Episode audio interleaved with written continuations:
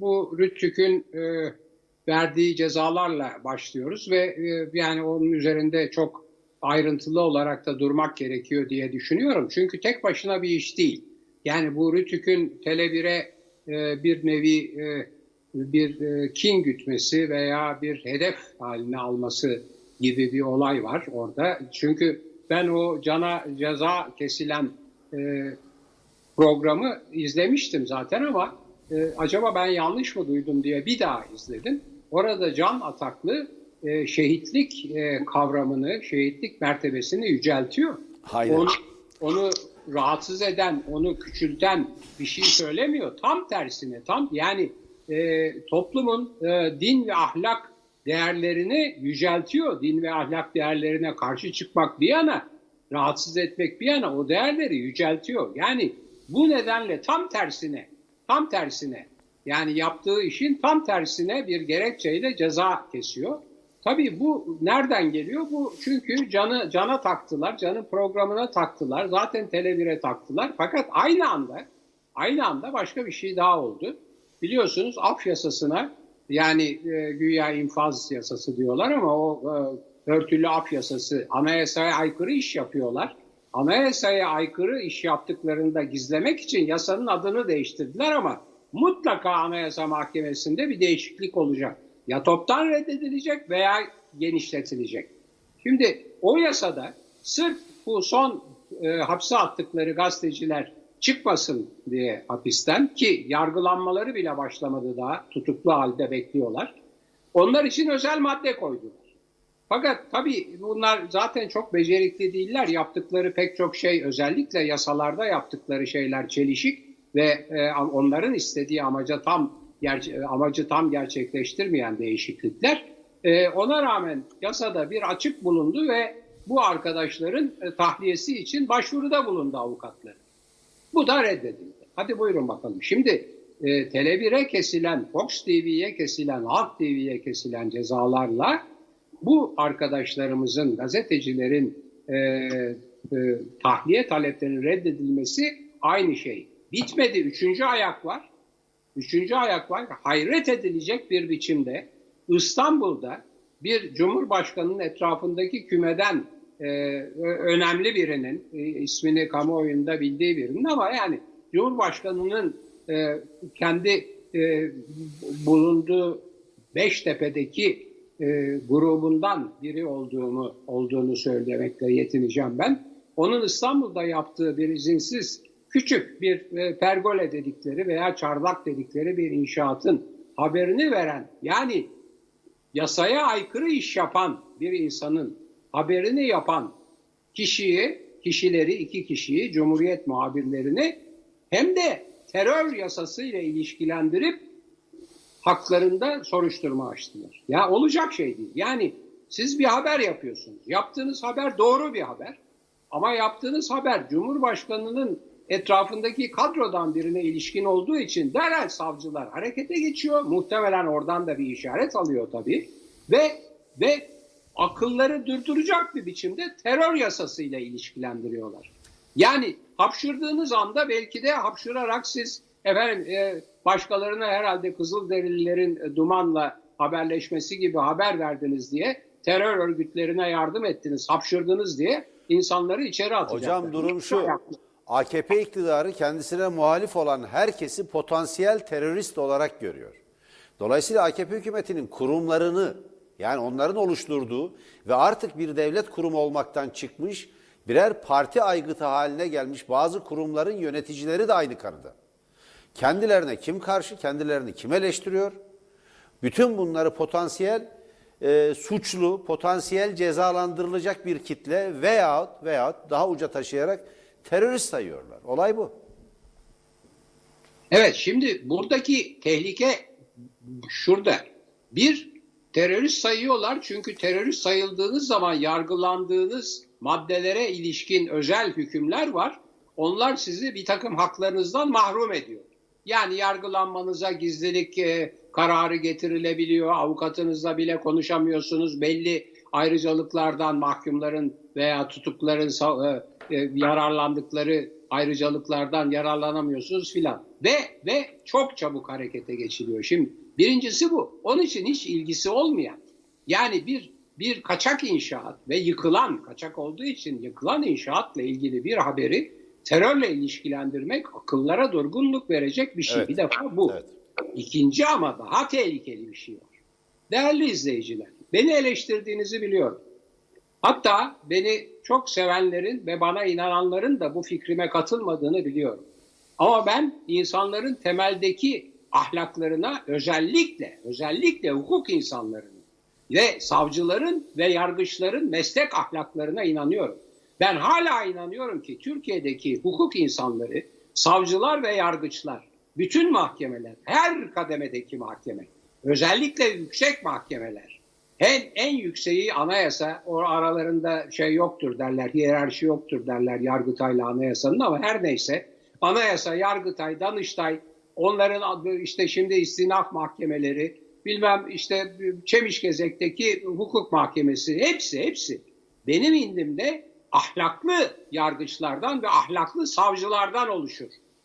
Ey ey ey bir doğru haberi, bir kaçak inşaat haberini terörle terörle ilişkilendiren değerli savcılarımız, sevgili evlatlarım, sevgili kardeşlerim yaşı büyükse, sevgili evlatlarım, belki öğrencim olmuş olan savcılar yapmayın bunu. Yani kendinize zarar veriyorsunuz. Kendinize zarar veriyorsunuz. Türkiye'yi bütün dünyaya rezil ediyorsunuz. Türkiye hukuk sistemini mahvediyorsunuz. Aynı şekilde hadi rütük rütük belli zaten. Rütük iktidarın e, sopası. Yani belli. Evet. İktidarın seçtiği insanlar bunlar e, habire ceza yağdırıyor. Onlar için hiç böyle bir şey söylemiyorum. Ama Cumhuriyet Savcısı bir gerçek bir haberi, doğru bir haberi, bir kaçak inşaat, üstelik yıkılan bir küçük de bir kaçak inşaat haberini terörle soruş, e, ilişkilendirip soruşturma açarsa bu çok vicdanları, ulusal vicdanı, uluslararası vicdanı, tarihi, Türkiye'nin hukuk tarihini, yargı tarihini, adalet bağımsızlığını çok rahatsız ediyor. Yani bunu özellikle vurgulamak istiyorum. Yani siz bilmiyorum benim birkaç maddem daha var ama bu çok... Hocam daha- program devam ediyor yani hepsini konuşacağız sırayla. Ee, şimdi Rütük, Rütük'ün Radyo Televizyon Üst Kurulu'nun kestiği cezanın birkaç boyutu var. Bir, Tele1'e ceza kesmeyi sistematik bir alışkanlık haline getirilmiş durumda. Bu bir düşmanlık, bu bir kin gütmek anlamına geliyor. Ee, sizin de söylediğiniz gibi Can Atak diye verilen ceza hiçbir temelden, hukuki yaklaşımdan, e, vicdani bir tutumdan, e, ne diyelim, radyo televizyon üst kurulunun kendi yasasından bile hareketle kabul edilemeyecek, savunulamayacak, e, hiçbir biçimde meşru gösterilemeyecek bir ceza. Siz pekala şehitlik kavramı konusunda anlaşamayabilirsiniz. Zaten anlaşılamaz. Birçok tarifi var bunun. Şimdi hükmen şehit diye bir kavram ortaya attılar. Şimdi bu ne demek? Bu ancak ulema tarafından, İslam dininin alimleri tarafından tartışılabilir. Bir yanıyla bu, devleti ilgilendiren, seküler bir devleti, e, bir e, modern bir devleti ilgilendiren yanı da yasalarla bunun ilişkisini konuşabilirsiniz ancak. Bunu tartışırsınız. Can Ataklı'nın söylediği basit. Şehitlik kavramını sıradanlaştırmayın. Herkesi şehit ilan ederek, ederek şehitlik kavramını değersizleştirmeyin diyor. Bundan ibaret. Buna katılırsınız ya da katılmazsınız. Yapacağınız şey eğer bu Milli Savunma Bakanlığı'nı ilgilendiriyorsa ki bu tartışma da şuradan kaynaklanmış durumda. Beş sivilin ölümüyle sonuçlanan bir terör saldırısı. Bakın o saldırının kendisi terörist bir saldırıdır. Diyarbakır'da bir minibüsün e, bir el yapımı bomba tarafından yola yerleştirilen e, bu bombanın patlatılmasıyla bir minibüste bulunan beş sivilin ölmesidir. Bu nereden baksanız sivillere yönelik, silahsız sivillere yönelik bir saldırı olduğu için bu bir terörist saldırıdır. Şimdi bunu şehit ilan etmek, o saldırıda ölenleri daha değerli veya şehit ilan etmemek daha değersiz hale getirmiyor. Bir terör saldırısının kurbanlarıdır bunlar. Bunun üzerinden giden bir tartışma. Can Atak'la diyor ki ya herkesi şehit ilan ederseniz yani bir vatan savunmasında ölen, başka türlü bir terör saldırısında ölen bunlar birbiriyle çok çelişir. Başka bir şey yapılıyor örneğin orada. Maden şehitleri. Şimdi bunu dediğiniz zaman şehitlik çünkü e, inanışa göre çok yüksek bir mertebe. Burada devletin kusurunu, işverenin kusurunu her şeyi örtüyorsunuz. Her şeyi örtüyorsunuz. Bunu söyledi. Yani bundan ibaret. Şimdi ben e, bu rütük cezasının e, değerlendirilmesinde kamuoyunda çeşitli e, yaklaşımlar var. Şimdi herkes hiç e, önemsiz demiyorum. Fox TV'nin aldığı cezayı çok ağır bir ceza olarak değerlendiriyorlar. Hayır değil. En ağır ceza yine Tele1'e verilmiş durumda.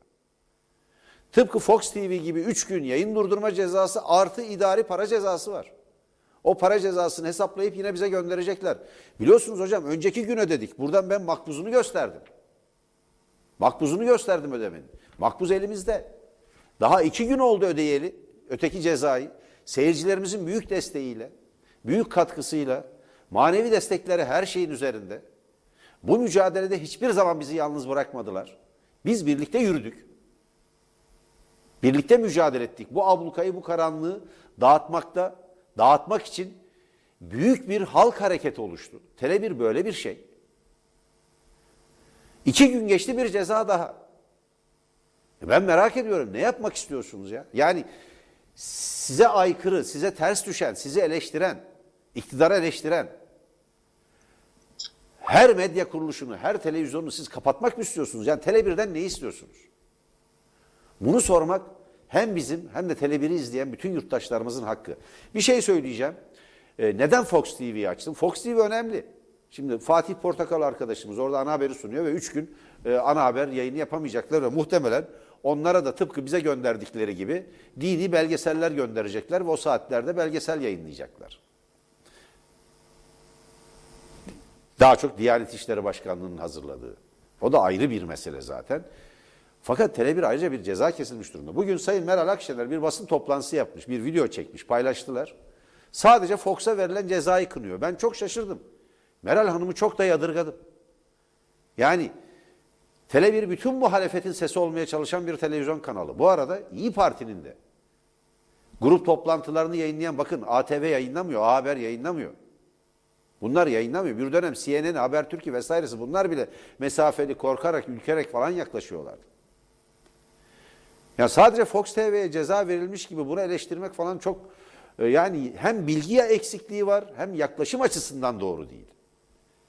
Bütün medyaya yönelik baskılara karşı tutum almak gerekiyor. Çünkü Halk TV'ye de kesilmiş durumda. Haber Global diye yeni bir televizyon kanalı var. O da daha çok merkez medya olmaya çalışıyor.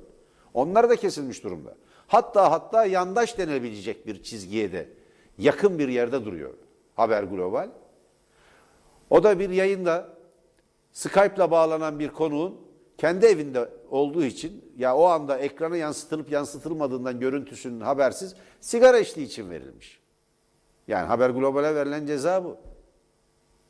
Ama Tele1'e ve Fox TV'ye verilen ceza politik sebeplerle verilmiş. İdeolojik nedenlerle verilmiş bir ceza. Önemi burada. Ben e, Meral Akşener'in zannediyorum bir e, bilgilendirme eksikliği nedeniyle böyle bir hata yapmış olduğunu düşünüyorum. Biz bu ablukayı nasıl ki daha önce seyircilerimizin desteğiyle açtıysak, izleyicilerimizin desteğiyle açtıysak, dostlarımızın katkısıyla, güç birliğiyle açtıysak bunu da aşacağız. Tele bir yoluna devam edecek. Ben e, bu cezaların antidemokratik olduğunu, iktidarın baskıcı karakterini yansıttığını ve bir takım devlet kurumlarının RTÜK gibi bağımsız değil, bağımsız değil, bağımsız ve tarafsız görev yapmak yerine iktidarın bir aparatı, bir aygıtı gibi çalıştıklarını düşünüyorum. Bu anlama geliyor. Bu sert bir eleştiridir. Bu sert bir eleştiridir. Ama üst üste karşılaştığımız uygulamalar, bize verilen cezalar bizi böyle düşünmeye zorluyor. Buyurun hocam. Evet bir defa buna devam ederek ben başlayayım yeniden. Ee, sırf bu nedenle yani Rütük'ün yapısı siyasal olduğu için, tarafsız olmadığı için Rütük kaldırılmalıdır. İlla eğer radyo televizyonları koordine edecek, frekansları dağıtacak, kontrol edecek filan bir devlet kurumu istiyorsanız bu dünyanın pek çok yerinde var. Kurarsınız böyle bir bağımsız devlet kurumu. Siyasetten arınmış bir yönetimi de oraya e, hazırlarsınız, yapıyı getirirsiniz ve devam eder. Ama Rütük kesinlikle kaldırılmalıdır. Şimdi bir önemli meseleye yalnız dikkat edeyim. Rütük AKP'nin eseri değil. AKP'nin e, bir e, e, iktidarının getirdiği bir şey değil. AKP'nin daha kötüye kullandığı, daha kötüye kullandığı, yani eskiden de kötüye kullanılıyordu. AKP onu iyice şimdi doruğa taşıdı, çok kötüye kullanıyor. Ama Rütü'yü kuranlar AKP'den önceki politikacılar. Rütü, Türkiye'deki politikacıların bir ayıbıdır. Türkiye'deki politikacıların bir ayıbıdır. Tekrar ediyorum. Rütük, Türkiye'deki politikacıların bir ayıbıdır. Bütün medyayı yani görsel medyayı, radyo, televizyonlu görsel, görsel işitsel medyayı kontrol etmek için meclisteki çoğunluklarına göre veya işte sandalye sayılarına göre partilere orada sandalye vermiştir. Maalesef bu e, pek çoğumuzun yani e, muhalefet partileri de dahil olduğu için pek çoğumuzun desteklediği partilerin ve politikacıların kararıyla olmuştur. Rütük kaldırılmalıdır. Çünkü Rütük yapısı gereği, tarif gereği politikacıların kötü niyetini yansıtan, bütün kontrolü iktidar partisine veren, bütün kontrolü iktidar partisine veren ve işte kötüye kullanıldığı zaman da bu noktalara kadar ülkeyi taşıyabilen bir bir kurumdur. Mutlaka kaldırılmalıdır. Bu, bu yapılabilir. Yani rütük kaldırılır yerine bağımsız bir kuruluş konur dedikten sonra şimdi çok önemli birkaç şey daha var. Bir defa ekonomik paketin ayrıntıları var. Tam ekonomik paket e, işçilere işte ücretsiz izin verme hakkı vesaire e, işte işe gelmeme e, günde 39 lira mıdır nedir e, böyle e, e, yani asgari geçimin de altında bir e, ücret ödeyeceğim deyip aslında işverene işçileri işten çıkarma hakkını getiren bir ekonomik paket hazırlandığı sırada neyle karşılaşıyoruz? Bu bütün iktidarın ihalelerini alan beş kardeşlerden bir tanesi olan en büyük e, firmalardan biri bir tanesi kitle halinde işçi çıkarıyor. Kitle halinde işçi çıkarıyor. Kim? İktidarın sevgili evlatları olarak bütün ihaleleri bütün ihaleleri verdiği ve milyarlarca dolar kazanan bizim sırtımızdan o beş kardeşten bir tanesi fırsattan istifade krizi fırsata çevirip e, kitlesel işçi çıkarıyor. Şimdi bunu da vurguladıktan sonra e, bir, bir küçük şey daha söyleyeceğim. O da e, hafta sonu getirilen sokağa çıkma yasağına ilişkin İçişleri Bakanlığı'nın yayınladığı genelge. Doğrudur. Eksiği olabilir, fazlası olabilir. Ben okudum, dikkatle okudum. Ben bana göre ya bana yap deseler, eleştir deseler eksikler var, fazlalar var, lüzumsuz şeyler var, lüzumlu şeyler var. Lüzumsuz şeylerden biri tabii inşaatların devam edeceği. Yani ihaleler, büyük inşaatlar. Büyük inşaatlar devam edecektir diyor. Büyük inşaatlardaki işçiler diyor e, sokağa çıkma yasağından muaftır. Yani belli oluyor niyet. Ama yani esas olarak böyle bir genelgenin e, yayınlanması doğru bir harekettir. Ama kardeşim madem bunun gerekliliğine inanıyorsunuz niye bunu geçen hafta ilan ettiniz? Tam uygulamaya iki saat kala ilan edip milleti paniğe kap kaptırıp e, marketlere, bakkallara yığdığınız sırada niye bunu önceden akıl etmediniz? Çünkü o genelgenin önceden düşünüldüğü belli oluyor. Ayrıntıya girmiyorum. Tarihler, şunlar, bunlar, konuşmalar. Önceden madem bunu planladınız genelgeyi de hazırlarsınız, bilgi de verirsiniz. Bakın Cumhurbaşkanı 5 gün önceden ilan etti. 5 gün önceden Cumhurbaşkanı ilan ediyor. Siz 2 saat kala panik yaratıyorsunuz. Bunu belirttikten sonra efendim millet bahçeleriyle bu e, yağmanın devam ettiğini, ihalelerin devam ettiğini ekleyelim. Yani evet. e, krizden fırsat. bir iki şey var hocam. Efendim? Bu konuda, bu paket konusunda söyleyeceğim bir iki şey var benim. Tabii, tabii. Yalnız ben hemen bir, bir cümleyle bağlayayım. Büyükşehir Belediye Başkanlarının, CHP'li 11 belediye başkanının yayınladığı bilgileri çok çok önemli. Hem ekonomik paketi eleştiriyorlar veya oraya destek vermek istiyorlar hem de eleştiriyorlar hem de sokağa çıkma yasağı istiyorlar ve böyle bir yasak geldiği zaman kendilerinin işbirliğine hazır olduğunu da belirtiyorlar. O 11 başkanın bildirisi çok önemli. Evet efendim evet. buyur. Şimdi bu koronavirüs e, salgınına karşı ekonomik önlemleri içeren e, kanun teklifi mecliste kabul edildi. Bu kanun teklifi tam bir fiyasko. Tam bir fiyasko. Bu kanun teklifi iktidarın ne kadar aciz, E, Bırakın işçi sınıfını, bırakın emekçileri, sanayicileri, kobileri, küçük esnaf ve zanaatkarları destekleme yeteneği nasıl yitirdiğini açıkça ortaya koyuyor. Bu bu paketin kendisi aynı zamanda çalışanla bir işçi işçi sınıfının, emekçilerin idam fermanı gibi. Tam bu yasa görüşülürken bu iktidarın bütün büyük ihalelerini alan, köprüden 3. havalanına kadar, özelleştirme yağmasından büyük pay alan Cengiz İnşaat yüzlerce işçisini sokağa bıraktı. Yüzlerce işçiyi, yüzlerce işçiyi işten attı. Çünkü işten atılmayı kolaylaştıran, ücretsiz 3 ay izin imkanı sunan, hatta bunu Cumhurbaşkanlığı kararnamesiyle 6 aya çıkarabilecek yasa düzenlemesinden söz ediyoruz. Bu yasa düzenlemesi halkın, işçi sınıfının, emekçilerin, çalışanların, esnafın, zanaatkarın, küçük üreticinin tamamen karşısında. Tarımda köylünün, çiftçinin tamamen karşısında. Onun aleyhine bir yasa çıkardılar. Yani eee, devletin malını, mülkünü bu ülkenin insanların on yıllarca bir tarihsel süreç içinde çocuklarının aşından, ekmeğinden ve geleceğinden keserek biriktirdiği ulusal zenginlikleri yağmaladıkları son derece açık. Çünkü para kalmamış. Doğru. Kimseye bir şey veremiyorlar. Bakın e, Maliye e, Bakanı, hazineden sorumlu bakan belli şartları yerine getiren herkese faizsiz tüketici kredisi verileceğini söylüyor. 6 ay faizsiz. Bir takım kolaylaştırıcı imkanlar var. İnsanlar bankaya gidiyor. Bankaların önünde kuyruk oluşturuyorlar. 10 bin lira alamıyorlar. 3 bin lira veriliyor kendilerine. Ha, Esnaf 10 ve... bin liraya söz verilmiş. Hayır şimdi o onun önemi şurada. 10 bin lira vereceğiz diyorlar. Mesele oradan kaynaklanıyor. 10 bin lira vereceğiz diyorlar veremiyorlar. Hocam onu söylüyorum. 10 bin lira verileceği ilan edildiği halde Evet. bankalar ancak 3 bin lira veriyor.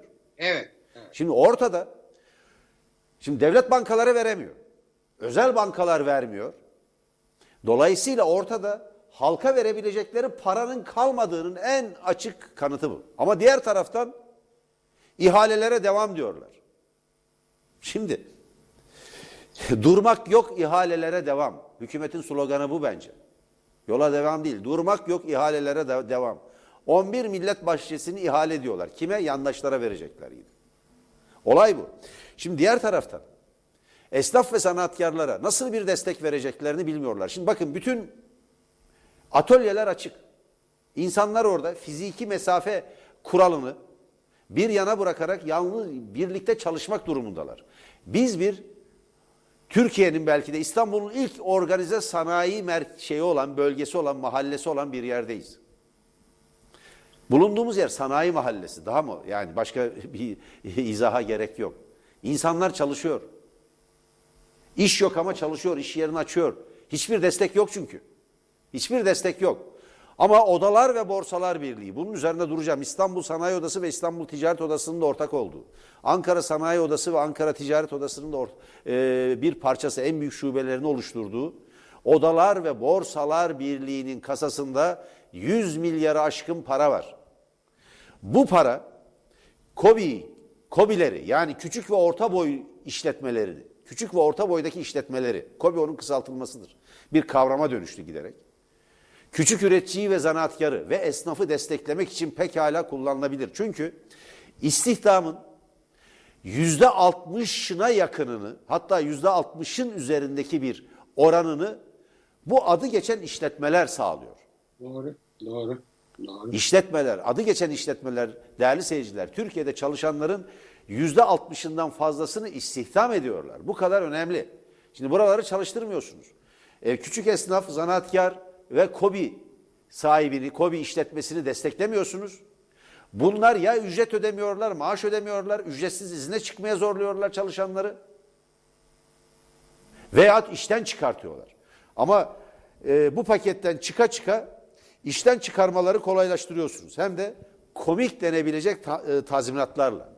Kısacası işçi sınıfının ve emekçilerin aleyhine bir yasa tasarısıyla karşı karşıyayız ama sadece onlarla değil. Küçük esnaf, küçük sanayici, kobi işletmeleri ve hatta büyük sanayicileri de hiçbir biçimde, hiçbir biçimde gözetmeyen üreticiyi, bakın reel sektörü gözetmeyen bir paketle karşı karşıyayız. Çünkü AKP iktidarının bütün ekonomi politikası rant üzerine kuruldur. Üretime dayalı, katma değer yaratacak, istihdam alanlarını genişletecek bir ekonomi politikaya sahip değildir. Hiçbir zaman da olmadılar. Onların bütün derdi rejimi değiştirmek.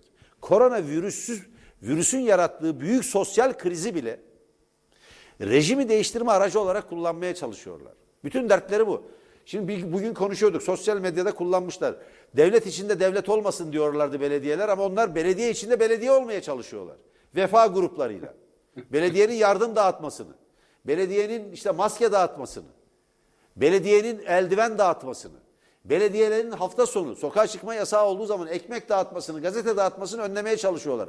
Vefa grubuymuş. Ne vefası ya? Ortada büyük bir halka karşı vefasızlık var. İstanbul'da, Ankara'da, İzmir'de, Antalya'da, Mersin'de, Adana'da yeni belediye başkanını seçen insanlar belki bir önceki seçimde, belki iki önceki seçimde size oy vermişti. Vefa şunu hocam, AKP'ye oy veriyorsanız vefa var, vermiyorsanız yok. Bu milleti bölmektir. Bu milleti bölmektir. Türkiye koronavirüsle ancak birlik ve dayanışma içinde mücadele edebilir. Dayanışma gruplarını artırır. Şimdi bakın evine ekmek götüremeyen insanlar var. Bizi telefonla arıyorlar ve İstanbul Belediyesi'ne nasıl ulaşabiliriz? Yani işini kaybetmiş, ücretsiz izne çıkartılmış. Üç tane çocuğu var evinde. Koronavirüs belasıyla mücadele edecek ama bu mücadelenin araçlarından biri iyi beslenmek. Dengeli beslenmek. Ama iktidar ne yapıyor? Diyanet İşleri Başkanlığı Yüksek Din Kurulu fetva yayınlıyor. Ramazan'da oruç tutmak farzdır diyor. Oruç tutacaksınız ya bunu bilim insanlarına bırakın. Oruç tutmak kişisel bir şeydir. İsteyen insan tutar, isteyen insan tutmaz. Kişisel bir tercihtir. Eğer dengeli beslenecekse, kendini koruyacaksa tutar. Ama tam koronavirüsle mücadele halinde yani her şeye, her şeye dini karıştırmanın gereği yok. Bazı şeyleri bilim insanlarıyla bir koordinasyon içinde sürdürmek mümkün. İsteyen ve inananlar tutar. Bunun önüne bir engel yok. Ama burada e, koronavirüse karşı mücadelede iyi ve düzenli beslenmek, vücut direncini artırmak, iyi dinlenmek, iyi uyumak, C vitamini tak, takviyesi almak ama doğal kaynaklardan dün e, Evren Özalkuş'un sunduğu, hazırlayıp sunduğu Türkiye'nin geleceği programına katılan e, bilim insanları bunu söylediler. Renkli yiyecekleri yiyin diyorlar. Renkli dedikleri kırmızı elma, işte turuncu portakal, yeşil salatalık, Bunları tüketin diyorlar özellikle. Şimdi bütün evet. bunlar için, bütün bunlar için düzenli bir beslenme gerekiyor. Evet. Buyurun evet. hocam. Şimdi e, programı kapatacağız. Ben iki e, konuda e, vurgu yaparak bunu kapatmak istiyorum. Ama daha önce şöyle bir şey hatırlatayım. Yani bu e, kısmi sokağa çıkış yasağı ve bir takım etkinliklerin engellenmesi yani 20 yaş altı, 65 üstü vesaire bazı faaliyetleri, bazı sektörleri yok etti. Bunlardan bir tanesi kültür sektörü, bir tanesi sanat sektörü. Yani sanat, edebiyat, kültür maalesef sıfırlandı. Kitap evleri kapalı, e, sahne sanatları e, maalesef e, ger gerçekleştirilemiyor ve buralarda çalışanlar perişan haldeler. Bir defa bunu dillendirdikten sonra iki, iki konuda ısrarımı sürdürüyorum. Birincisi bunu en baştan beri daha bu pandemi ilan edildi. Yani de, de, de, de, Dünya Sağlık Örgütü bunu ilan etti. Ben o günden başladım ve bana herkes saldırdı. Ya dur bakalım ne oluyorsun? Maskeye ne gerek var? Maskeye ne gerek var? Nereden çıkarıyorsun sokağa çıkma yasağını diye. Şimdi anlaşıldı ki hem devlet hem e, uzmanlar hem uluslararası e, Dünya Sağlık Teşkilatı aynı şeyi söylüyor. Kardeşim herkes maske takacak ve sokağa çıkma yasağı uygulanacak. Dolayısıyla şu maske işini kendileri yarattılar sorunu. Çünkü maske dağıtacağız dediler. Eskişehir valisi yazı yolladı. Bize bildirin ihtiyacınızı parayla öde yollayacağız size diye. Onun üzerine Cumhurbaşkanı parasız verilecek dedi. O öyle deyince satış yasaklandı. ne ürettiler bu maske meselesini? Şimdi bunu mutlaka çözmek lazım. Belediyeler, büyükşehir belediyeleri ve ilçe belediyeleri halkın, herkesin rahat ulaşabileceği yerlerde her isteyene bol bol maske dağıttırmalı, yapmalı. Bu bir defa devlet bunu yapamıyor madem Belediyeler bunu yapmalı bir. İki, isteyenin parayla satın almasına eczanelerden izin verilmeli. Üç, 11 belediye başkanı da söylemiş, herkese iki hafta, en az iki hafta sokağa çıkma yasağı getirilmeli. Evet. Evet. Hocam şimdi e, ben e, iktidarın e, koronavirüsle mücadelede bir yöntem daha geliştirdiğini düşünüyorum iktidar partilerinin. Gazetecileri hapsederlerse koronavirüs yayılmaz zannediyorlar, yaygınlaşmaz zannediyorlar. Koronavirüsü bahane edip bir af ilan ettiler. Mafya şeflerini, katilleri, uyuşturucu kaçakçılarını çıkardılar dışarıya. Gazetecileri bakın bir ihtimal var mı diye avukatları başvurdu. Tahliye edilebilirler mi diye. Barış Pehlivan, Barış Terkoğlu, Murat Arel, Yeni Yaşam Gazetesi'nin e, genel yayın yönetmeni ve yazı işleri müdürü, işte bir e, serbest çalışan e, bir gazeteci Hülya Kılınç. Bunlar içeride tutarak koronavirüsle mücadele mi edecekler Allah aşkına? E, seyircilerimiz haberlerimizde izlemiştir. E, tahliye edilmelerine ilişkin yapılan başvuru incelenmeden reddedilmiştir. İncelenmeden. Burada bir emir var mı? Bir telkin var mı? Ben merak ediyorum. İncelenmeden reddedilmesi çok manidar. Hocam seyircilerimiz bizi destek e, e, yalnız bırakmıyor, destek vermeye devam ediyor. Ben çok teşekkür ediyorum. Bazı seyircilerimizin adını saymak, adını anmak e, giderek bir gelenek haline gelmeye başladı. E, genç arkadaşımız Onurcan, e, çok teşekkür ediyoruz kendisine. Ümran Hanım'a çok teşekkür ediyoruz. Şengün Hanım'a çok teşekkür ediyoruz. Ee, Bir e, doktor Merdan Bey'e benim adım çok az bulunur. Çok teşekkür ediyorum. Manevi destekleri, e, katkıları nedeniyle bizi arıyorlar. Birlikte olduğumuzu, bu ablukayı birlikte dağıtacağımızı, sonuna kadar yanımızda olacaklarını söylüyorlar. Çok teşekkür ediyoruz. Erdal Bey'e, Esen, Esen Bey'e, Esen Hanım'a, e, Ayşe Hanım'a, Leyla Hanım'a, Hamza Bey'e, Kayahan Bey'e çok teşekkür ediyoruz. Eralp Bey'e, Seçil Hanım'a, Neşe Hanım'a, Kadriye Hanım'a çok teşekkür ediyoruz. Şükran Hanım, Emel Hanım çok çok teşekkürler. Ee, çok önemli destekler bunlar. Bize güç veriyor.